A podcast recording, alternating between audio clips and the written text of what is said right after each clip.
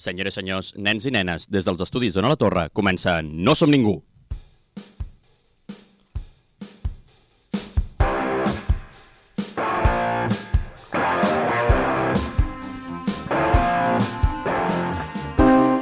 Avui parlarem sobre com ser depurat en el franquisme tot i ser falangista, o el que és el mateix, les veus del Pàmano. I durant aquest batibull de demagògia i desordre m'acompanyen en vivi en directe l'experta en falangisme, Paula Espelt, Bones, suposo. amb tots vostès el nostre estimat Maki Pau Melero. Petons d'esquerres. I creient que controla el programa el nostre alcalde, però aquest no és feixista, Adrià Jurado! Clap, clap, clap, clap, clap. clap, clap, clap. Clap, clap, clap. Benvinguts al 24è episodi de la segona temporada de No som ningú, el teu programa de cinema de confiança. Agrair, com sempre, a una la torre per l'espai i als tècnics Álvaro Sánchez i Pau Corbalan per fer possible aquesta retransmissió. Pec, pec. Agrair també aquesta setmana a la constructora del bloc de pisos incendiat a València. Gràcies a vosaltres, constructors, especuladors i immobiliàries, que esteu col·laborant en assegurar que tots tinguem un habitatge digne si a canvi hipotequem a 5 generacions. I sobretot per construir amb materials de dubtosa qualitat, a més de ser altament inflamables. Ja que gràcies a tot això, sembla que les comissions depuradores sembleu les comissions depu- depuradores assegurant-vos que depurem el poc que ens queda de clima. Dit això, recordeu que fem spoilers i que, per tant, no ens fem càrrec de danys i perjudicis. I ara, sense més dilació, arriba la nostra primera secció. El resum del film portat per l'Adrià.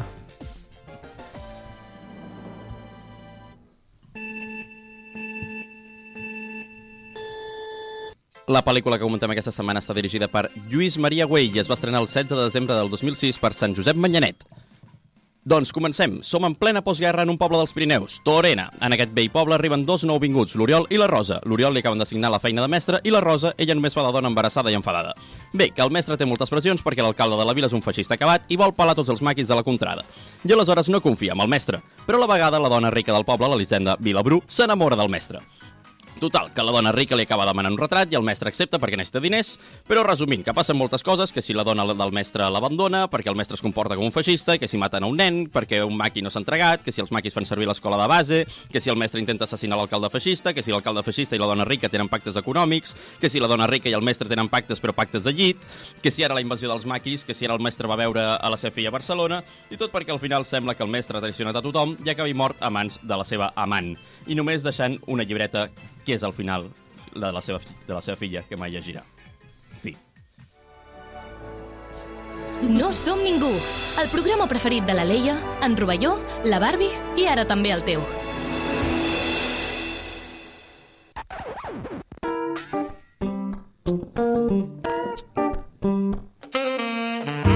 Ara sí. sí, sí Molt bé, Paula, probablement que ho fas bé. Eh? també me n'hagués oblidat si no m'hagués avisat l'Adrià. Molt bé, doncs avui eh, us presentem en directe a una torre, com sempre, al Gerard Forest. Benvingut. Moltes gràcies, Paula. I gent tota. Sí, perquè avui tenim fins i tot públic, és que estic tan emocionada. Bé, eh, us presento una mica el Gerard Forest, per qui no sàpiga qui és. Eh, segurament us sona una mica perquè a, els tècnics, si volen comentar, que comentin per ells. Us Molt bé. És que, de veritat, eh, no són becaris, eh, encara que us semblin. Eh, bé, Gerard Forest és professor de secundària i sindicanista, nascut a Figueres, i tot això ho sé perquè té Wikipedia, o sigui, és una persona amb Wikipedia, que em sembla tan guai. I no me l'he fet jo, eh? És que, increïble. Ojo, eh? Poca broma. A més, la Viquipèdia en català prohibeix fer-te la teva pròpia Viquipèdia. Sí, Ah, no ho sabia. persegueixen. Sí, sí, sí, sí, a més es queixen molt per Twitter de, de que molts actors se l'han feta. Molt bé, molt bé. I llavors, bé, sobretot, si el coneixeu, us sona la seva cara, és perquè és molt conegut per un discurs que va fer sobre el català el 2020 i a partir d'allà no ha parat de generar contingut a xarxes sobre el català eh, i sempre té com les seves reflexions de, de mestre, que heu d'escoltar atentament, perquè realment crec que compartim bastants punts de, de com veus el català en aquest programa. Llavors sempre, sempre és interessant, perquè ell les explica millor que nosaltres, que portem dues temporades i encara ningú sap molt bé que... que... Com el veieu vosaltres? Doncs, Malament. Malament. Malament. Doncs llavors Sí. estem bastant d'acord. Sí, sí, Segur. sí, sí. Bé, um, nosaltres, et volia preguntar, sobretot, eh, per una cosa que ha passat a Twitter aquesta setmana, um, quan o sigui, em vas escriure per Instagram i em vas dir heu penjat la història, si pengeu un tuit també us retuitejo, tal, per, per fer la promo d'aquest programa. I, I jo, que sóc la que fa els tuits del programa, potser vaig equivocar-me en una paraula, no? Eh, bé, en un, hi hauria d'haver posat un pronom... Bé, eh, sense adonar-me, la veritat. I llavors va venir bastanta gent, més de la que normalment contesta als nostres tuits, molt enfadada per, a, per allò. No n'hi havia per tant. Però jo, jo t'ho explico. Uh, el que et va respondre és el Sí. Pau Vidal, que és uh, la Núria Feliu dels lingüistes, per dir-ho així, molt amic meu, per cert, i ell ho va veure i va fer un comentari, ell és una mica així, no? Com dir-ho? És un almogàver de la correcció lingüística. No tant com el Virgili, eh, però, que és d'aquí al camp. Ja el coneixeu, eh, el Virgili? El Virgili sí. Sí, sí, el tenim això, controlat de I ell et va portar totes les mosques que van venir després. Sí. Eh, llavors volia preguntar-te, arrel d'això, què en penses, no?, de... Realment hi ha potser quatre persones generant contingut a xarxes en català. Sí.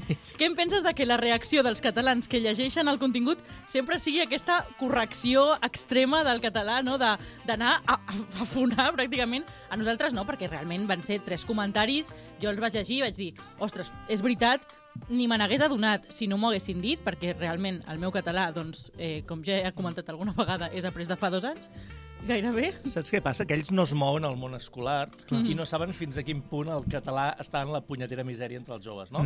I quan tu te n'adones, jo, per exemple, sóc de secundària, profe de secundària, eh, aprens a negociar amb la realitat. És a dir, la realitat és com és, a tu t'agradaria que fos diferent, però aprens a negociar. I, clar, jo sempre dic, i això ho tinc claríssim, el pitjor català sempre és el que no es parla. I, per tant, hem d'incentivar, primer, que la gent parli català i després ja de mica en mica, si cal, ja l'anirem millorant. I això ho va dir també el gran lingüista Joan Solà, que ell era un gramàtic, que ell es va dedicar tota la vida a normativitzar el català. I just abans de morir-se eh, va fer un discurs pels joves i va dir joves, mireu, m'he dedicat tota la vida a normativitzar el català. Al final, m'és igual com el parleu, però, si plau, parleu-lo. Doncs aquest és també una mica el meu pensament.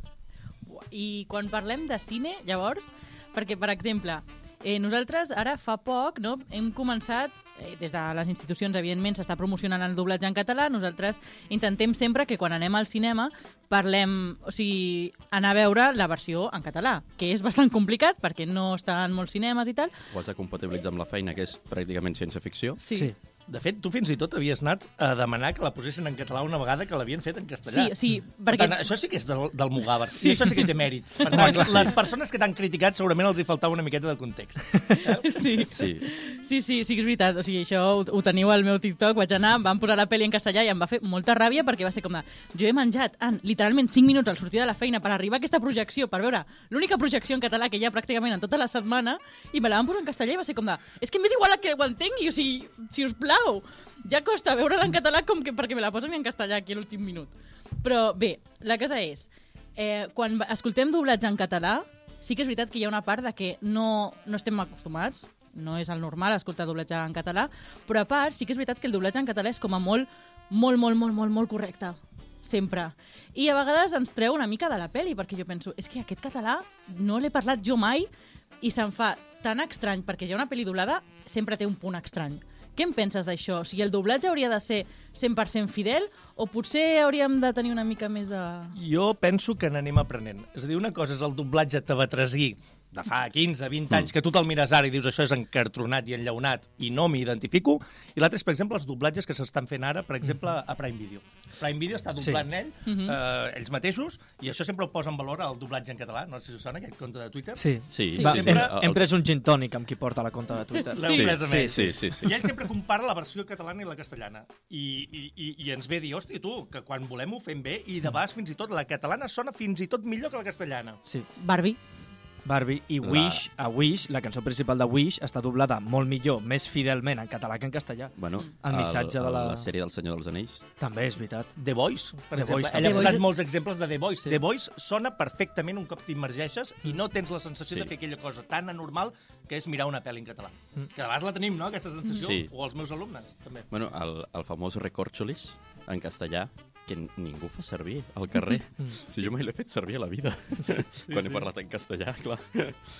I també, seguint amb el tema del cinema, jo volia preguntar-te quina és la, la producció catalana que creus que més ha fet pel català. No, Uh. la, no la millor, perquè potser hi ha una molt bona, però nosaltres a vegades veiem que sí que és veritat que des de l'Acadèmia Catalana, no l'Acadèmia del Cinema Català, sinó tot el que és acadèmia, sí que genera contingut, però és un contingut molt d'un cinema d'una mateixa manera, però quina creus que és la producció que dius gràcies a aquesta es parla una mica més de català? Però què vols dir, la producció? Eh, Producció, cine, sèrie... mm, Quin, quina pel·lícula o sèrie creus que ha apropat, aba- abans comentaves als joves, quina pel·lícula o sèrie creus que ha fet més? Els últims anys, i és el mateix protagonista de la pel·li que comentarem avui, és Merlí. Merlí, molt val? bé. Que sí que és veritat que va tenir un èxit, és a dir, tenia vora un 40% de share entre els joves, el total era un 22, però entre els joves era un 40%, per tant, estem parlant de xifres de plats bruts, eh? Mm. dels plats bruts de la seva època.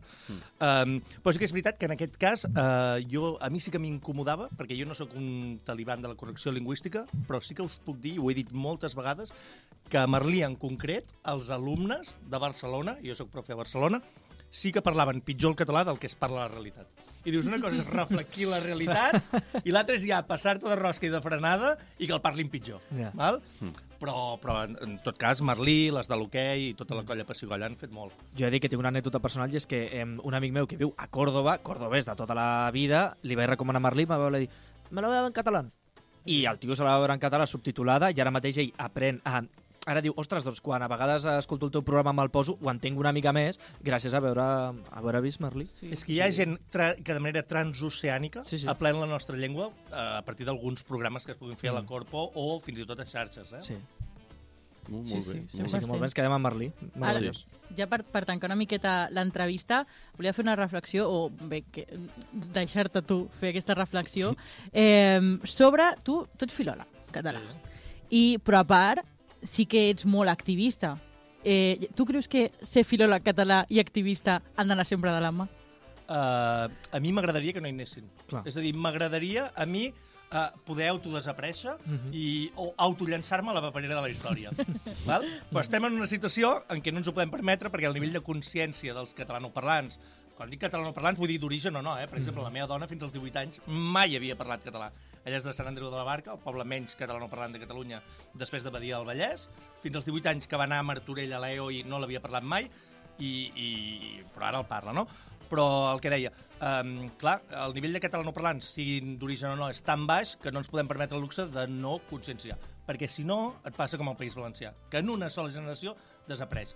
A mi m'agradaria llegir literatura i no dedicar-me a la llengua. De fet, fa poc vaig fer un TikTok, no sé si l'has vist, que jo deia, és que jo sóc una persona de literatura. El que passa és que jo no em puc dedicar a fer grans novel·les de literatura de 600 pàgines sabent que la llengua en què l'estic escrivint s'està morint. I per tant, jo necessito activar-me per, perquè la llengua pervisqui. Un cop ho tinguem, si ho tenim mai, doncs escolta'm, llavors ja eh, menjarem crispetes i, i farem literatura. En català. En català. Sí, sí. Però serem normals, Sí. perquè les llengües normals són les llengües que les parlen, i això també ho dic molt sovint, gent de dretes, gent d'esquerres, gent d'un origen, gent de l'altre, gent de color blanc heteronormatiu, gent de color catxumbo i tothom. 100%. Meravellós. sí, sí. Eh, doncs nosaltres esperem a que en algun moment es pugui fer aquest pas endarrere i simplement el català existeixi, sense perill de, de mort cada segon. I passem a parlar de la peli, però per, sempre fem aquest tall, eh, fem l'intercanvi de Pongo, o Onkoi. Coll. Onkoi? Molt bé, pongo, pongo. Sí, sí, sí. Què ens has portat? Mira, us he portat un personatge important, eh, sobretot fa 20 anys, ara ha passat a un segon pla, d'aquí del camp de Tarragona, Costa Daurada, etc. Ell és de la competència, del Baix Camp, eh? no és del Tarragonès, i és el molt il·lustríssim eh, Josep Lluís Carat Rovira. val? Increïble. Amb, Aquí- Fent què? Eh, fent de caganer. Fent de caganer. I això ho tinc des de fa 20 anys, que rondava per allà una lleixa de casa, i us agraeixo moltíssim que m'hagueu donat l'oportunitat per desfer-me. val? Ens fa tanta il·lusió tenir un caganer, no en teníem cap. No en teníeu cap? No. A mi em fa molta il·lusió que sigui el Carot Rovira. És segurament el meu personatge preferit del Polònia. Sí? Ah, mira, molt bé. I quin dels nostres objectes ara mateix que tenim a aquesta taula t'ha cridat més l'atenció i te'n vols emportar a casa? A veure, que m'hagi cridat l'atenció, Sí? sí? veig aquí el gatet de la CUP, Molt de bé. la campanya, oh. ja el veieu, però clar, és que jo tinc fills i no, no, no els hi portaré el gatet. Uh, jo agafaré... Uh, L'he d'agafar o després? Sí. Què, què, què vols? Què vols? Uh, jo agafaré un tionet, el tio aquell tionet. que teniu allà amb la barretina. Aquest? tio! Aquest. El nostre tio. greu. Oh. Es pot o no es pot? I tant. Sí, sí, sí. tant O us es estic destrossant l'ànima? No, no, no, no, no, no, no, em sembla De bé. fet, eh, és bonic perquè nosaltres el que fem sempre és quan veiem un tio lleig, el més lleig possible, Sí. l'adoptem, perquè sabem I- que ningú el comprarà. Llavors aquest li falta mig ull. O sigui, Ah, molt bé. Que realment estem Sí. fent aquest, aquest pas d'adopció i Ha, n'adoptarem un ha altre. sigut adoptat, la nostra casa Sí. d'acollida de Sí. tions. Que Mira, serà el tercer, perquè quan ve Nadal, saps, quan d'allò, sempre anem al bosc a buscar Clar. els tions amb el meu fill i li fa molta il·lusió trobar-los allà al costat d'un arbre, no? I ara en tindré un altre. Perfecte. No, no, doncs sí, sí. Doncs ens Adoptat. abandona el tio. Sí. Mhm. Que bonic. Ha trobat casa. Se'n va del niu. Li, vol- li voldràs posar nom? Qui li dius? Al, al, al tio. A mi m'ho dius? Però? Sí. Sí, Willy. Willy. Perfecte. Sí. El bategem ja com a, com a Willy El tio Willy, eh? M'agrada molt. i passem a parlar de la pel·li, que és el que Ara hem vingut a fer. Exacte. Ara passem a parlar de la pel·li. Doncs, sobretot, comencem. Què tal heu vist la pel·li? Us ha agradat? Primer, així, un... Us ha agradat la pel·lícula? Us Jo agrada? l'he vist com 13 o 14 vegades, o sigui que... I soc molt poc cinèfil, eh? Jo quan em vau contractar vaig dir, ostres, però si jo de cinema en sé molt poc. Ara, el vaig mirant, eh? El vaig Sí. mirant, però no sóc un especialista ni el degusto de manera especial ni res. Uh, però aquesta pel·lícula en concret l'he vist 13 o 14 vegades. Això són moltes vegades, eh? Sí, perquè com que sóc profi, l'he passat a molts grups de batxillerat, doncs clar, l'he vist moltes vegades. I com va? Què, què els sembla als, als alumnes? És curiosíssim perquè funciona de meravella. És a dir, el primer que fan els alumnes, primer ja ho sabeu, eh? Però fer una pel·li en català, hòstia... Sí, una pel·li en català. A sobre de TV3? Sí, a sobre de TV3. I llavors la comencen a mirar i s'immergeixen tant en la història, perquè és una història que està super ben trebada i super ben construïda, eh? Eh, que llavors, quan arriba l'hora del pati, els mateixos alumnes agafen l'entrepà, se'l mengen allà i et supliquen gairebé de genolls de no anar al pati i poder continuar amb la història de l'Elisenda i de l'Oriol Fontelles. I això em passa amb superpoques pel·lis, de debò. I per tant aquesta té una estrella especial. No, no, doncs... bé, bé, bé. Molt Pau? bé. Jo dic que m'ha succeït el mateix, perquè, clar, recordem, és una pel·lícula que està dividida en dos capítols, eh, ho teniu a 3CAT. Eh, vaig acabar el primer capítol i vaig dir, no, no, és que és següent. Jo tenia pensat al meu cap per dividir-m'ho i, bueno, primer me'n miro una, i em va enganxar tant i tenia tantes ganes de saber què succeïa, i vaig dir, ostres, és que automàticament el segon, i això em passa poquet, eh? O sigui, he de dir que sí que aconsegueix mm, atrapar-te d'alguna manera. Mm. I sent una història que es narra, amb, que té aquesta cosa de dues línies temporals, primer passa tota l'estona present al passat, ho porta molt bé, jo crec que no decau el ritme, perquè hi ha altres, per exemple, és fàcil comparable, entre cometes, amb El mestre que va prometre el mar, que és una gran pel·lícula que precisament Sí. va... És veritat que aquí és preguerra i això ja és eh, postguerra, però, clar, mm, és el mateix, no? El mestre que va prometre el mar teníem dues línies temporals i ens queixàvem una mica de que el que passava al present ens donava una miqueteta igual, i en canvi aquí jo crec que el ritme està molt millor, no? molt millor Sí, portat. el rit... sí que és veritat, i entrar una mica més, sí que era una crítica, sí que a mi m'ha agradat bast... m'ha agradat molt la pel·li, la veritat, Mhm. sí. Està... És això, té un molt bon ritme. A més, això són dos episodis que per mi m'entren molt bé a nivell ritme, perquè no, no, no em desenganxo en cap moment, Mm -hmm. però sí que l'altra línia temporal a vegades dic, bueno, sí, és com que no m'importa fins al final. Ja, això és Perquè al final sí que m'interessa sa- quan es tanca tot i s'ajunta i dius, vale, ara té, tot té un sentit, aquesta investigació paral·lela, que en un principi no m'estava semblant molt interessant, no acaba de- d'entrar molt, però al final dius, bueno, vale, ara sí, ara sí que m'agrada aquest final i m'agrada com... Però això ja és entrar molt en el final, abans, Paula, Jo sabeu que per una telenovela mato. Sí, les telenovel·les són la meva vida i aquesta minisèrie té com una cosa de, de telenovela que llavors, evidentment, és que ja ho has dit, ja ho has dit, en- anem a obrir aquesta caixa, sí. que és la caixa de la telenovela. Perquè el, el director de la pel·li, Mm. el senyor Lluís, ara, Lluís Maria Güell, ha dirigit no només Vent del Pla, sinó que també Amar en tiempos revueltos. Clar. És que us És porto que- una secció de telenovel·les que us agradarà tant, eh, fent És que, aquí clar, una estem mica de parlant planting, d'un però... expert en telenovel·les, Sí, sí. plan normal, que...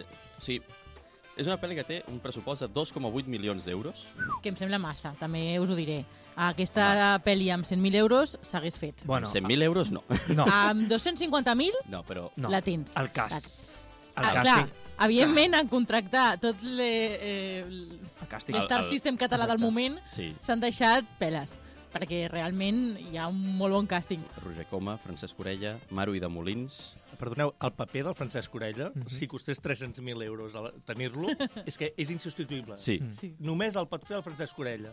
Que- Li queda molt bé el bigoti. no? Sí. Sí, sí. Que he de dir una cosa del Francesc Orella, que la, primera, la seva primera etapa, no sé per què feia molt de dolent. És que li pega. Li Sí, pega. sí, fa molt bé de dolent, perquè Mm. a Terra Baixa també fa del, del Sí. senyor que, bueno, és el llop, Sí. no? Que després ha mort el llop. Sebastià. Sí, Em va sí, salvar sí, la sí. selectivitat, eh, aquella pel·lícula. Uf. Uf, perquè... S'ha de llegir el llibre. S'ha de llegir va, el vaig, llibre. em vaig llegir el llibre, però la pel·lícula em va aquest, ser any, molt... aquest any és l'any Guimarà. Ah, sí, eh? Sí, I, i, I comença Maricel al setembre. sí, sí. és que no puc és més l'última de... de, no de... L'última vegada, No eh? estic L'última pentinant, vegada no? és Si que- l'ha escrit Àngel Guimarà, no? Té Gom. rebaixa, sí. Té rebaixa. Les... Vale, vale, a veure si ara estic aquí fotent No, la no, no. patinada Ah, no, del no segle. miris a mi, mira el profe.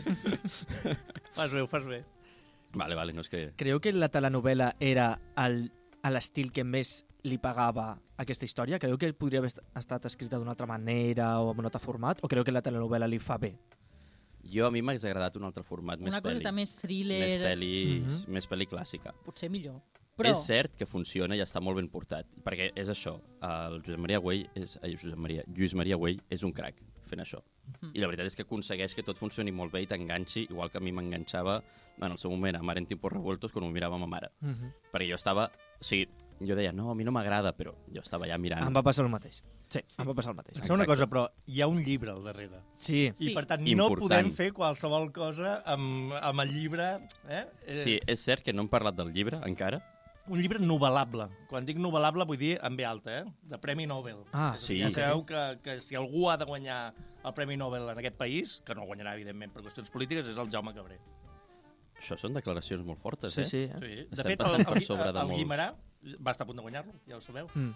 Ho sabíeu o no? La veritat és que no. Li havien de donar el Premi Nobel i al final van dir no, no pot ser que un català, eh, l'Acadèmia Sueca li doni el Premi Nobel. I van premiar el José de Chagaray. Ah, que és un, un- autor de teatre un molt, molt poc conegut. Sí, sí, sí. Perquè la Paula digui això... No, no, que no, que...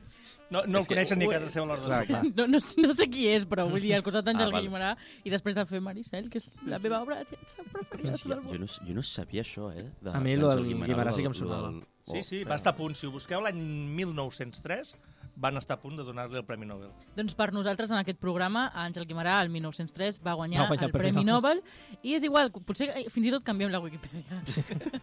S'enfadaran, s'enfadaran els de la Wikipedia. No em donaran a mi el Premi Nobel, així que m'és Sí. igual que s'enfadin. No, així com sigui, aquesta pel·lícula, si algú va guanyar, va ser un premi també, que va ser el Premi Magnolia al Festival de Televisió de Xangai. Un dia, Uau. És un gran premi? Home, a nivell televisió sí. clar. També va estar nominada als Gaudí, a Premi, a Premi per Televisió. Aquesta no el va guanyar. Què va guanyar aquella? Bueno, això tampoc he investigat tant, la Ah, veritat. jo, jo anava a dir, què, què va guanyar? No, no ho he investigat tant, la veritat. Perquè I no hi ha aixa, saps? No, no, no. Però la veritat és que no m'he ficat tant. Però sí com sí, per vosaltres, quin és el millor personatge d'aquesta pel·li? Però jo crec que els personatges aquí és el, el que més remarca. O sigui, per mi és el, el, més, el punt més fort d'aquesta pel·li, són les actuacions de tots els personatges, Mm. que són el que et fa entrar sobretot en aquesta història. Per, per vosaltres, quin és el millor personatge amb diferència? Um, Sí, entre el Valentí Targa i l'Oriol Fontelles, mm. però per, per l'actuació el Valentí Targa. És a dir, Sí. el- l'alcalde feixista. l'alcalde, el senyor Francesc Orella. Sí, sí. Pau?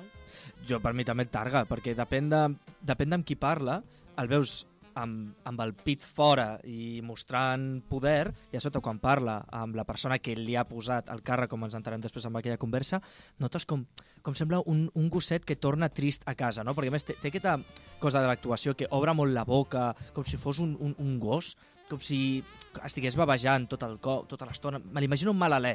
Sabeu què us dic? És com que és una actuació molt, molt estranya. I El Malek Carajillo. molt bé, molt bé, exacte. Doncs, igual que el vell com, com Sí, un gos enfadat quan parla amb el protagonista, el vell com, com un gosset trist quan parla amb... amb, amb ara se m'ha oblidat del nom. Amb el Com se... No, amb, Ah, la, no, amb la- amb la- Rica, Elisenda. amb l'Elisenda. Vilabru. Quan parlen l'Elisenda és com que de sobte es fa petit, sabeu? I és que ho fa genial. Per mi, ell és top, top. Que la resta està molt bé, però... Tu què creus, Adrià? que és que l'Àlex Brandeviol m'agrada És que molt, fa eh? molt bé. Sí, mira que surt molt poquet, o sigui, m'ha faltat, m'ha faltat inclús d'ell, eh, de la història dels maquis, m'ha Va fer una faltat. altra gran pel·li, que segur que ho sabeu, que també funciona de meravella amb els alumnes, que és una altra que també et fan quedar Sí. a l'hora del pati i que ploren, que és Herois. Oi, Oh, heroi, heroi. sí. L'heu vist o no? Sí, sí, sí, Sí, sí. Ell sí, és un que dels sí. protagonistes. Sí. L'Àlex Benedemult, quan és gran. Doble línia Sí, temporal, sí, sí, també. sí. És veritat, és veritat. És veritat que és un dels... dels... Oi, quina, qui, quin Qui em farà plorar em vaig fer amb aquest... A més, Sí, no sí. m'ho esperava gens, eh? Tots els nens, també, eh? no nenes, els Sí, nens sí, sí, sí. llagrimejant també, i llavors quan s'obrien els llums de la classe, tots allà sent veure que no havien plorat. Tot Déu plorava, eh? Tots No, els no, no. És una pel·li molt, bons. molt maca. Encara no l'hem fet en el programa. No, eh? Royce, no. Algun dia L'haurem de l'haurem de fer. Jo crec que el una- tema, de, ara que parlem d'Àlex Sí.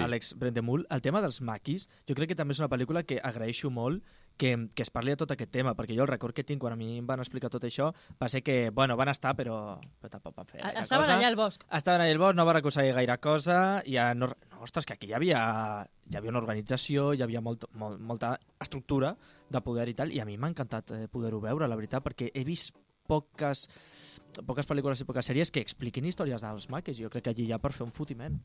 O sigui, Sí. Sí, el tema maquis jo crec que també ha passat molt per sobre Mm. al llarg de la història. Aquests van estar... Bueno, van arribar a conquerir un tros de territori Mm. d'Espanya i van arribar a què semblava que tornava una altra guerra civil. Mm. A tornar a introduir-nos en el conflicte. Bueno, de fet, eh, la pel·lícula va d'això, no? Sí, del va- va passat en aquest i moment. l'oblit del passat i la manipulació del passat, Mm. tant a la pel·lícula com a la realitat. A la realitat també passa. Sí. Que- No, no, al final els guanyadors escriuen la història. és, Exacte. exactament. Sigui per, pel bo o per dolent. Sí, sí.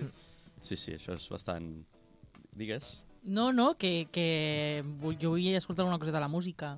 Ah, vols escoltar alguna cosa Sí. sobre música? Passem a Perfecte. música ja? Doncs passem a música, sí? Pau. Doncs endavant, passem. Ritme de la peli.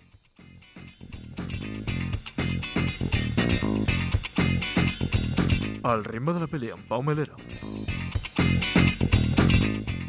Doncs l'encarregat de la música és Mauricio Villavecchia.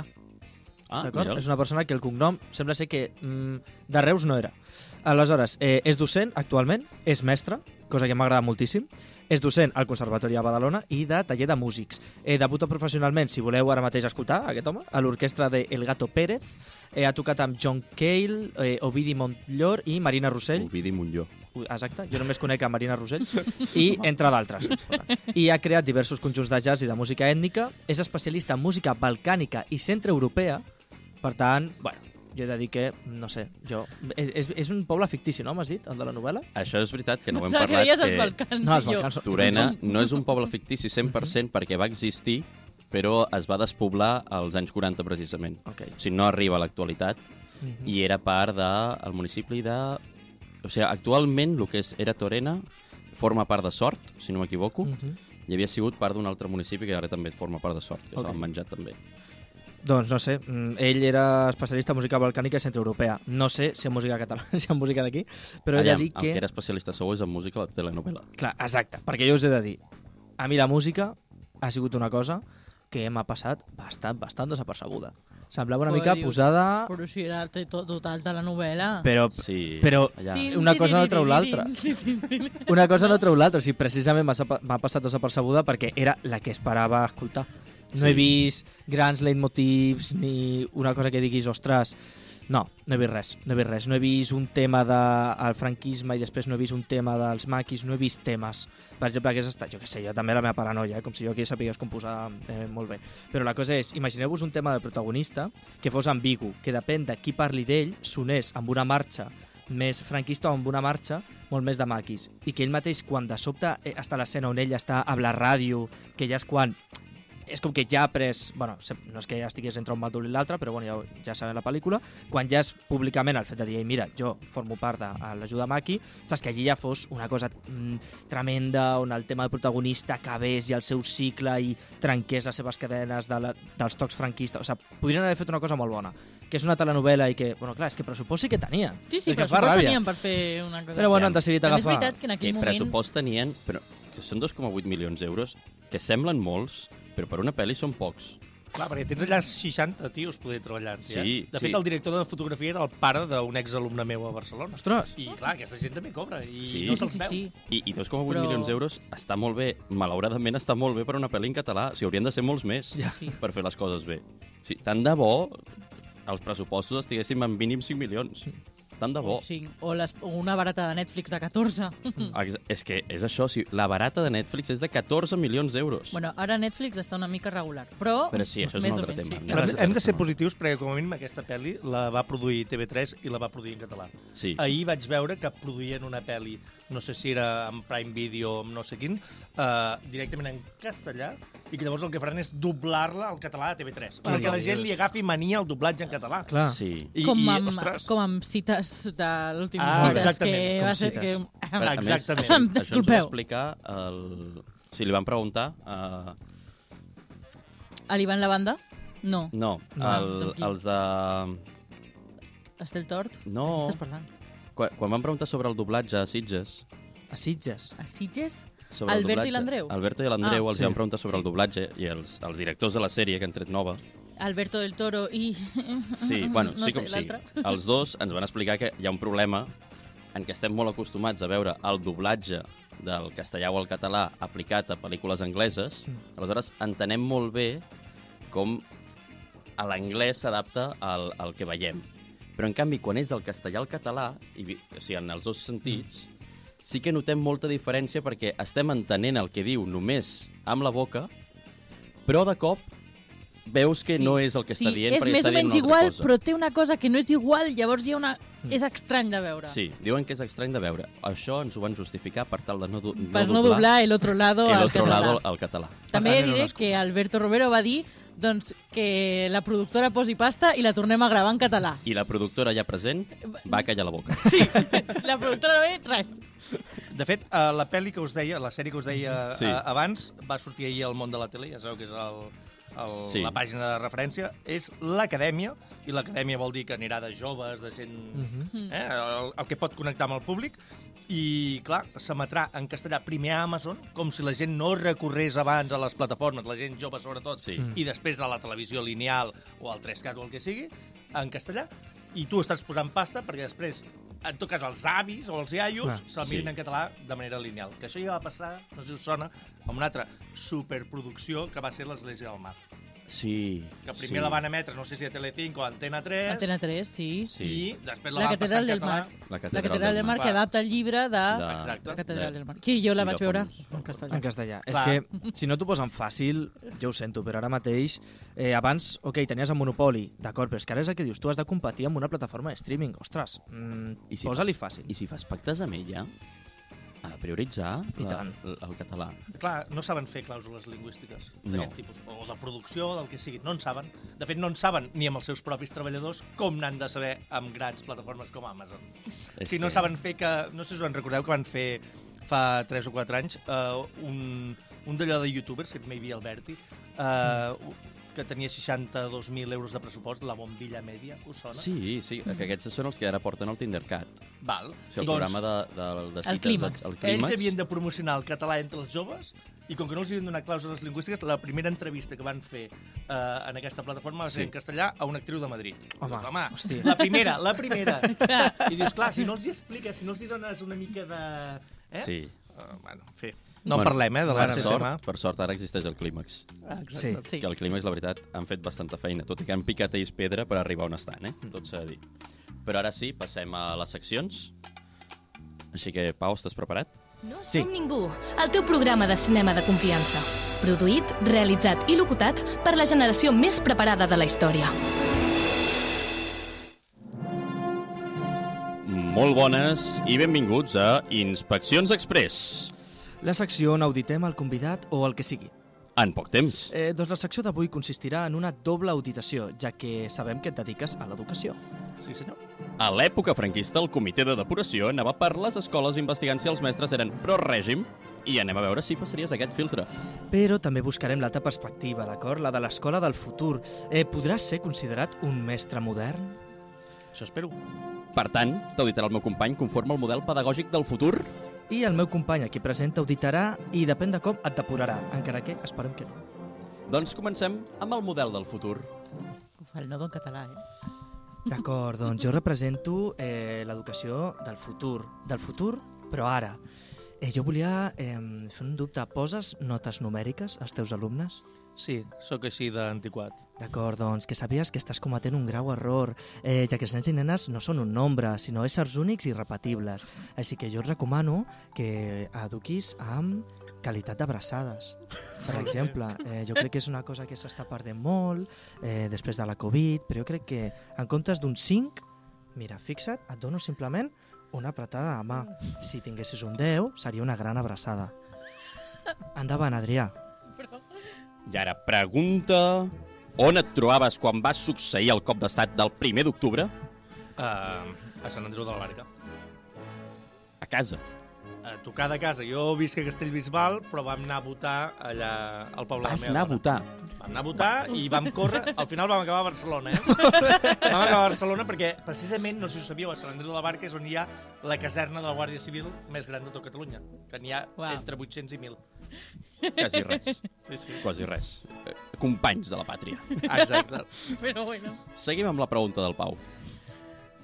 D'acord, eh, jo vull preguntar eh, si intentes utilitzar el català a la teva aula. Sí. Sí, molt bé. Doncs un altre greu error m'he d'apuntar aquí, perquè eh, al final la llengua és una cosa que ens ha d'unir a tothom. Així que jo a les aules, des de l'escola del futur, ara, eh, volem parlar esperanto, sorolls guturals, d'acord? Eh, coses que puguin parlar tot tipus de persones, d'acord? No ens adaptarem al territori, no vivim a Catalunya, vivim al món, i hem de parlar l'idioma del món. Així que tornarem a la prehistòria i parlarem només sorolls guturals. D'acord, Adrià? Endavant, company. Amic. Has tingut alguna conducta immoral o escandalosa al llarg de la teva vida? Suposo que sí. Però jo no en sóc conscient. Si no hagués estat conscient m'hauria autoreprimit, però... Aleshores, has col·laborat amb l'obra caritativa i transversal de l'Església Catòlica? Uh, sí. Molt bon punt, aquí, eh? Apuntem molt bé, eh? No, si al final estarà més a prop de, del passat que del futur. I quina actitud vas prendre durant el domini independentista respecte a l'ensenyament? A les teves classes? Domini independentista, l'ensenyament? Uh, no sé si estic entenent la pregunta. Jo tampoc, eh, durant estic els governs independentistes de la Generalitat fins més o menys el 1 d'octubre.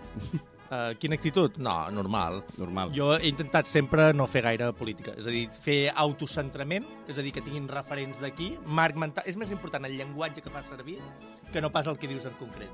És a dir, per exemple, jo què sé, quan els homes del temps diuen aquí al territori, fan servir un marc mental hispanocèntric. Quan diuen aquí, en aquest país, fan servir un marc mental català.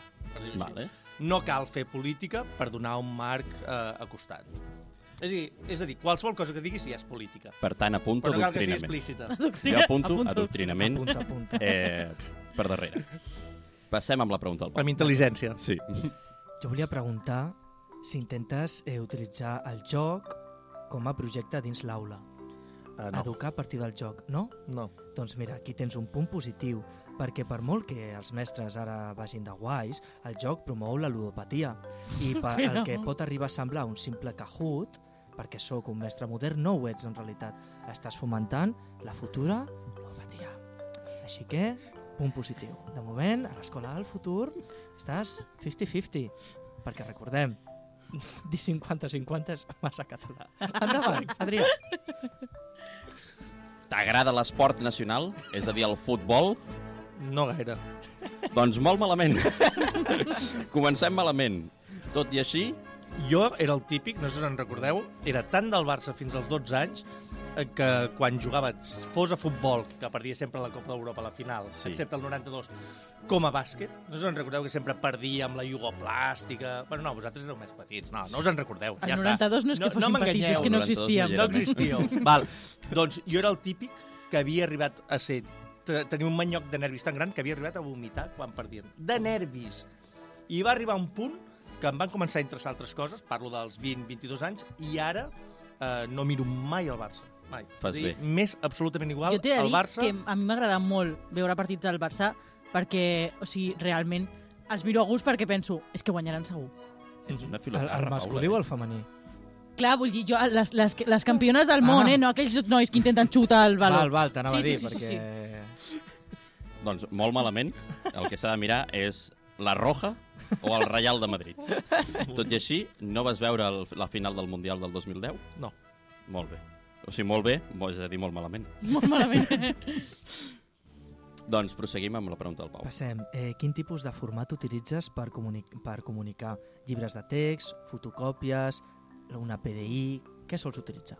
Uh, jo llibres de text. Llibres de text i sobretot uh, l'encant personal de parlar i explicar-ho. És a dir, no els faig ni subratllar ni històries. M'agrada que tinguin un suport, perquè ells també ho agraeixen, Sí. sí. alguna mena de suport, però el meu és explicar, jo que sé, Àngel Guimarà, que abans en parlàvem, Sí. com si fos una història. Molt bé, molt bé. M'agrada més la segona perquè la primera diria que no t'agraden gaire els arbres, veritat? No passa res. Els llibres l'únic que són són arbres, són cadàvers d'arbres. Aquí, des de l'Escola del Futur, avui el que volem és tornar a picar sobre pedra. Perquè així no estàs matant a cap ésser viu, no estàs fotent a la veu i picant pedra fas educació física mentre escrius i llegeixes. Endavant, Adrià. Doncs jo ara més tinc una declaració d'uns alumnes teus, els quals m'han afirmat unes coses. Per tant, si us plau, necessito el, el testigo. Ara, ara m'he liat jo. Si us plau, torna-la a posar i des del puja el principi volum. i puja el volum. Jo, a mi em va privar de tocar l'himne. Puja I el Gerard moltíssim. Forest era molt mal profe perquè ens privava d'expressar-nos lliurement. Per exemple, jo, a mi em va privar de tocar l'himne d'Espanya amb la flauta a classe i doncs res, que no ens deixava expressar lliurement i per això era molt mal profe. Doncs Sí, sí, endavant, Això, perquè això aquest... són eh, unes dures declaracions, Sí, crec que t'està que- agafant una mica sorpresa. exacte, i, i això no compta positivament. Clar, ara anem a mirar de cara a l'escola del futur, perquè crec que també tenim una declaració que li va una mica a la contra. Doncs el Gerard era un mal professor perquè mm, nosaltres havíem parlat amb la professora d'Educació Física i, i ens havia recomanat mastar xiclet per exercitar tots els músculs facials i poder tenir així millor una expressió millor de la cara. I, i el Gerard només d'entrar a la seva classe ens revisava la boca per, perquè no en tinguéssim cap i ens els feia llançar tots a la paperera. Clar, aquí tenim Però, un però altre... això és veritat, eh? És, és veritat. Que jo era un obsès dels xiclets, però d'on ho heu tret, això? Estic, Això. estic, ara estic flipant, però horrors. Aquí hi ha hagut una feina d'investigació bestial. Aquí hi ha hagut una feina d'investigació, potser no tan gran com t'esperes, però després t'ho explicarem. Després Bueno. t'explicarem com hem aconseguit aquestes coses. Exacte. Eh, jo crec Ara sí, que... jo crec que tenim... I tant. Jo crec que tenim ara una... Hem de passar una música de deliberació, perquè hem d'acabar de pensar, nosaltres. Sí. Amb tota la informació reunida, la comissió ha, des, ha decidit, hem, hem arribat a una deliberació després Sí. de molt de temps, hem arribat a una conclusió. Eh, assertivament, sempre assertivament, d'acord? Et comunico i t'escolto que des de l'Escola del Futur, avui, no compleixes amb els requisits de llibertat que l'alumnat requereix per desenvolupar les seves capacitats. Així que des de l'Escola del Futur, avui, de moment, vas al carrer, d'acord? No tens una feina, d'acord, amb les visions de futur de l'educació. Anem a veure- Assertivament. Assertivament t'ho comunico, eh? Ara anem a veure si sí que formes part de l'educació tradicional. Endavant. Des de l'Es- l'Escola Nacional d'Espanya, la comissió depuradora ha decidit que prescindirem dels teus serveis i et recomanarem unir-te al cos d'obra de construcció d'obres nacionals. Eh? I aquí ja és la nostra, el nostre veredicte i la Guàrdia Civil passarà per casa teva. I fins aquí la nostra secció. I ara ja, com, bueno, no, com a conclusió de veritat, Sí, okay, i ara torno veritat, jo com a Pau, exacte, sí. eh, jo hi ha hagut una cosa que no t'he comunicat, jo sóc mestre, d'acord? Eh, soc, ara estic de vetllador d'alumnes NESE a infantil i a primària, i comparteixo moltes coses amb tu, i ara mateix fent la reflexió ja mitjanament seriosa, el tema de la depuració franquista va ser una autèntica barbaritat, el fet de que tu Sí. siguessis un mestre i t'anessin a preguntar... A més, si, na- si moltes anaves a- d'aquestes preguntes estan aptes a la realitat, però Sí. són reals. Són reals moltes. Eh, te preguntaven si anaves a missa, podien arribar a parlar amb el mossèn del teu poble per comprovar-ho, te preguntaven, i tu estàs casada? No. I per què no? I per què no tens fills? Fotent de la teva vida privada i, òbviament, te podien depurar, te podien fer fora, considerant que tal, no? Una autèntica bestialitat. I no res, aquesta secció, òbviament, amb la punyetera conya, hem fet veure que per uns sempre seràs un antiquat i per altres sempre seràs eh, un modernista que vol canviar les coses. Així que Un no modern. Un Modernista modern. Modernista tens tota la raó. A més, m'ho has dit abans, que no digués modernista, i al final ho he acabat dient. Perquè m'has fet el planting aquest de no juguis pilota, no juguis pilota, no- i al final t'acaben tenint ganes. Bueno, sí com sigui, Sí, digues, digues. Doncs- Crec que anaves a dir quelcom. Aquesta Sí. escissió també hi és a, a la pel·lícula de les veus del Pamano. Mhm. Si us hi fixeu, l'educació Sí. tradicional, uh, Tajo, Guadalquivir, Guadiana, no sé què, Mm. i ell diu ell, escolteu, hi ha un alumne que diu uh, per què no parlem del pa mano? I ell diu, escola viva, sortim, anem a mirar el pa mano a veure què diu, què ens parla, no? Sí. I el falangista va allà i diu, tu, a classe! eh? Aqu- Aquesta d'allò hi és també Sí, hi ha la una, una dualitat també, perquè a més vens d'una d'una educació a la república, i més si es treu el títol durant la república, en què Clar. la idea era aquesta, que bueno, precisament el mestre que va prometre el Marc també parla sobretot d'aquest tema, Exacte. de l'escola moderna. Sí com sigui, aquí ja cadascú tregui, tregui les seves pròpies conclusions sobre els dos tipus d'escola, una que no, i l'altra que... Potser tampoc. Que hem fet No, la sí, paròdia. però la del Pau potser no. Sí. Sí, Sempre hi ha Evolucionar sí, cap allà potser no. una educació menys dolenta que l'altra. Exacte. Sí. Sí com sigui, ara sí, passem a la secció de la Paula.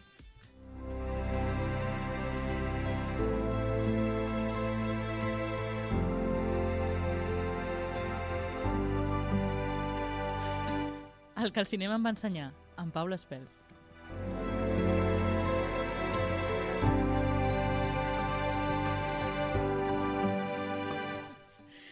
Ai, és que es carten els, els, els eh, tècnics de la peixera, llavors no, no em baixen la música. Vale.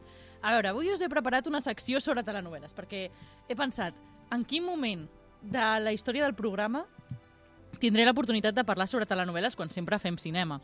Llavors he dit, avui és el meu moment, eh, he de brillar, d'acord? I us porto una mica de... És una mica xapa històrica, d'acord? Però una mica de xapa històrica sobre com sorgeix la telenovel·la i que, com us he dit abans, ve de la ràdio, en realitat. O sigui que també ho lligo una mica amb, amb el nostre programa, que no sé si ho sabeu, encara que ho veieu sempre en vídeo, és un programa de ràdio. Eh, a veure, les telenovel·les, vosaltres sabeu d'on venen? De la ràdio, m'ho has dit ara. Però a més de la ràdio, Aviam, segur dels Estats Units, perquè a més estic mirant el guió. caques. Pau? És que ara ja tinc la informació, ara ja no la puc negar. Clar. Ah, que potser, com he mirat el guió així en diagonal, potser és mentida.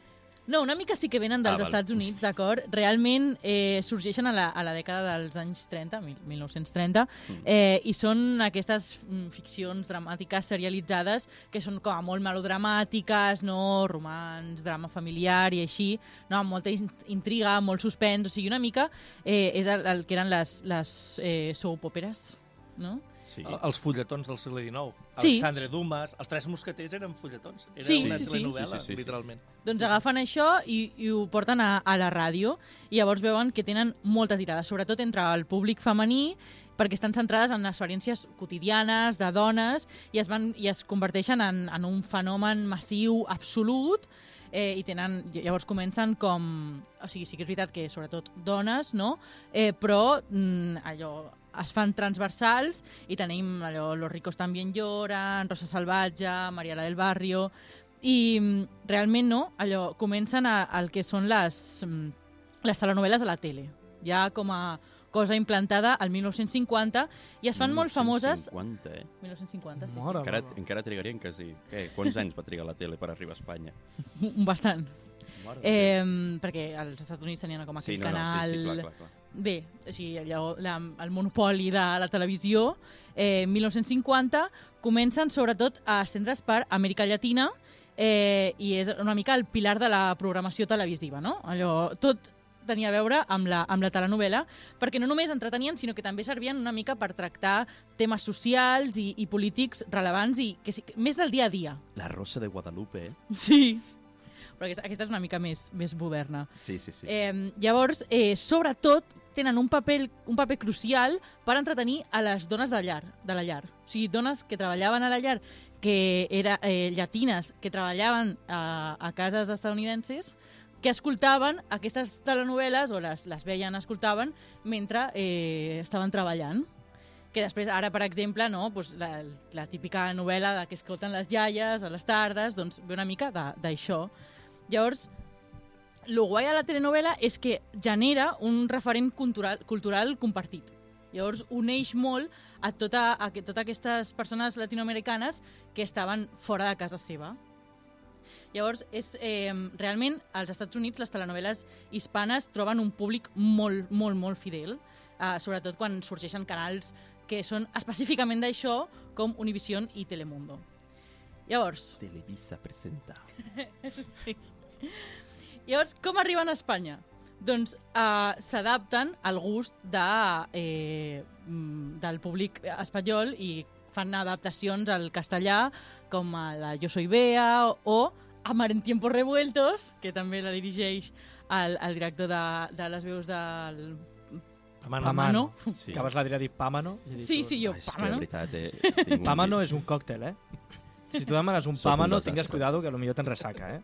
El un pàmano... desastre, de veritat. Que sí que és veritat que, per exemple, Paman. Eh, no sé si vosaltres dos, Mhm. els més joves a la taula, coneixeu el Farmàcia de Guàrdia, Home, sí.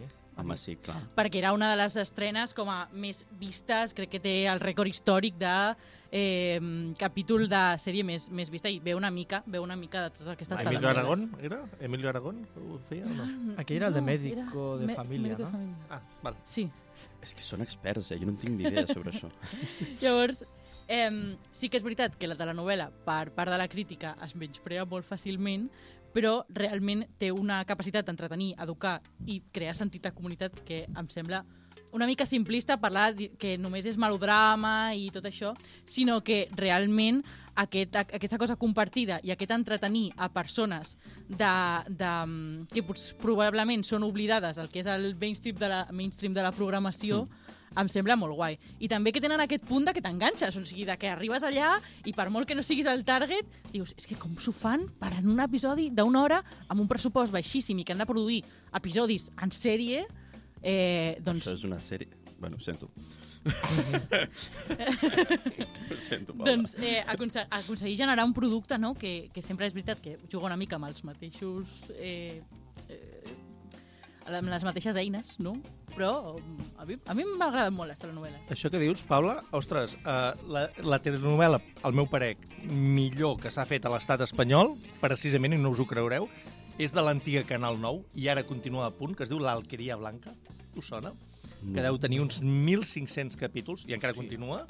I era una sèrie que començava als anys de la postguerra, als anys 40, i acabava als 60-70, i era la típica sèrie que feia que els diumenges a la nit les hueles, és a dir, les àvies, Sí.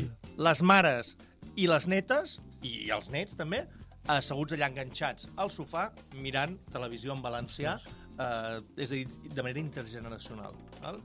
I aquí a Catalunya, ja ho sabeu, eh, fa 30 anys, jo conec el, el guionista Sí. que les feia, eh, l'Enric Gomà, eh, van fer Poble Nou, Vent del Pla, mm -hmm. Secrets de Família, etc. I si vosaltres em dieu què és el que més ha fet pel català, aquestes telenovel·les, en el seu moment, van fer molt més que l'Ausiàs Marc i que el Joan Maragall i que l'Àngel Guimarà pel català, eh, al meu pre. Totalment d'acord. Sí. És que Sí. sí. mi, jo tinc una anècdota d'un amic meu. Jo estava a l'escola, eh? Jo... Cinc anyets, sí, set, més o menys, per allà estarà. I jo, un amic meu es quedava despert, amagat, al menjador de casa per poder escoltar Vent del Pla. Perquè, clar, sons pares l'havien enviat a dormir i ell es volia quedar a escoltar Vent del Pla, aviam què passava, perquè estava enganxat i no podia esperar a veure'l el dia següent. Rotllo prohibit als pares. Sí. Us en recordeu Sí, d'aquell sí. programa que escoltaven a les 12 de la nit els joves? Que era Jo una això- mica eròtic, de Jo històries això no, aquestes. no vaig arribar. No? No. no bueno, no. té 10 o 12 anys. Doncs jo, jo això no... És que jo ràdio escoltava molt poc de petit, eh? Ah, mira. Sí, sí, sí, En molt comptes poqueta. d'haver dit jo he sigut un molt bon fill, mai he fet res que els meus pares no volguessin, saps? Sí, no, no, no. 5 minuts. Paula, dona temps La, a fer eh, la meva, si fas una bueno, pregunteta ràpida. jo només sí. volia afegir un altre, un altre punt no, sobre les telenovel·les. I és que sí que crec que ens falta, nosaltres com a país, aquesta cosa que potser els hi falta, que, que sí que el passa a València, de parar el país per una telenovel·la. Perquè és el que explicaves, i a mi m'ho havien explicat també de, de Brasil, que va haver un final d'una telenovel·la que va literalment parar tot el país a- fins al punt de que va haver negocis que van tancar per poder veure l'episodi i després van tornar a obrir. uh, I va parar, tot el país es va parar durant la hora, hora i mitja que durés el final d'episodi per poder veure aquell episodi. Sí, Això sí que crec que ha faltat... No sé com arreglar-ho, eh? Tampoc vinc a presentar Això havia arribat a passar, eh? Els anys, Sí? eh, amb alguna d'aquestes Amb alguna havia, sí, eh? amb algun assassí que havia que s'havia de descobrir qui era l'assassí del pàrquing i tal, havia arribat a passar, eh? Doncs que torni a passar. Però sí, No l'assassinat del parc. No, eh? no, la, la telenovel·la. Ah, exacte. Tothom la a veure com si fos ahir. Eh? De fet, la meva família, que la meitat són castellanoparlants de Figueres, la Sí. meva tieta, la tieta Àfrica, que després ara ja no consumeix res en català, per qüestions de consum i tal, ella estava enganxadíssima a les sèries de TV3 i se les gravava el vídeo VHS Ui, per veure-les gravar-se. a la nit. Això és molt bo, I eh, això ho havíem arribat a aconseguir al seu moment. I jo tinc un tiet, també, que als anys 90, era bons temps, escoltaven els Pets, eh. Sac Traït i Sopa de Cabra. Clar. Tot això ho hem perdut. Però s'està recuperant, crec, eh? Sí. Sí que crec que Figaflaues, la, Sí. la Musca, estan aconseguint que el català vagi més enllà de, de les fronteres clàssiques. Exacte, sí. sí. Que estan aconseguint portar el català fora, encara que no l'entenguin. Sí. Sí. Que I els, I els ritmes que urbans, que són sí. una mica... O sigui, que ha productes en català que s'assemblen molt als productes que tu consumiries Ho en castellà. necessitem. Necessitem Sí. sortir del paradigma noucentista. Exacte. Sí. Del català ben trajat, ai no, això no, que això és massa popular i això no em convé. Sí. Has de baixar l'arena Sí. i anar als públics. Sempre se'ns diu, eh? Uh. S'acaba el temps. S'acaba el temps. Ens, ens queden uns 3, 3 minuts. Perfecte, cap problema. Acaba, acaba això. Quan no, No, no, pots sí, que no, que és important. Sempre es diu que el català serà normal el dia que hi hagin uh, revistes del cor, uh, prostitutes que parlin català i macarres i lladres que parlin català, Sí. no? El dia que Doncs- t'atraquin en català. Ah, Mira, el dia que m'atraquin en català doncs els dic vinga, té. som-hi. La Sí. normalitat Sí. és això. Exacte. Vull un, crec eh, el problema del tren del Santiago Segura Català, 5 als cinemes, Sí, llavors sí. hi haurà un bon ecosistema de cinema en català. Ara sí, passem ja a final de programa, ja hem acabat. Així que passem a final de programa. No som ningú, patrimoni de la humanitat en antena.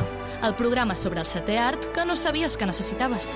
Doncs, Pau, ràpid, nota de la pel·lícula, si us plau. 3 sobre 5, història sorprenent, ser un queda bé amb el franquisme no podia portar res bo. Paula, 3 sobre 5, sempre de la mà de les telenovel·les, però eh, amb cert criteri. i jo 3 sobre 5 també. Si la pel·li una, tele una telenovel·la no fos, segurament el goig seria molt més gros.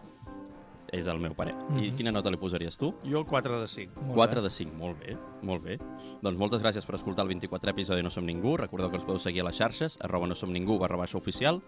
Moltes gràcies, Gerard, per venir. Espero que t'hagi agradat el programa i t'ho hagis passat bé. Encantat, m'ho he passat pipa, de debò. De veritat, moltes Ha gràcies. fluït molt bé i, Sí. i us vull felicitar per la vostra feina perquè demostreu que a les ràdios locals es poden fer eh, grans programes. I us en poso un petit exemple, si tenim temps. Sí, a sí. Ràdio Vilafant fan La nit més fosca, que és un programa d'assassinats i de crims eh, que no és de llarg abast, però que, que ho broden a cada programa i fan una feina d'investigació fantàstica. Doncs- I això demostra que eh, a nivell local es pot fer feina nacional també. Doncs escolteu ràdios locals, sempre.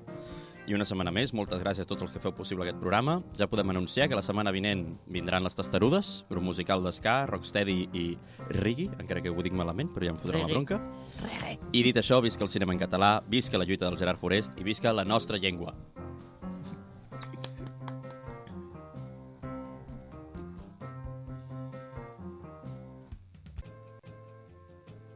Bona nit i fins al pròxim programa.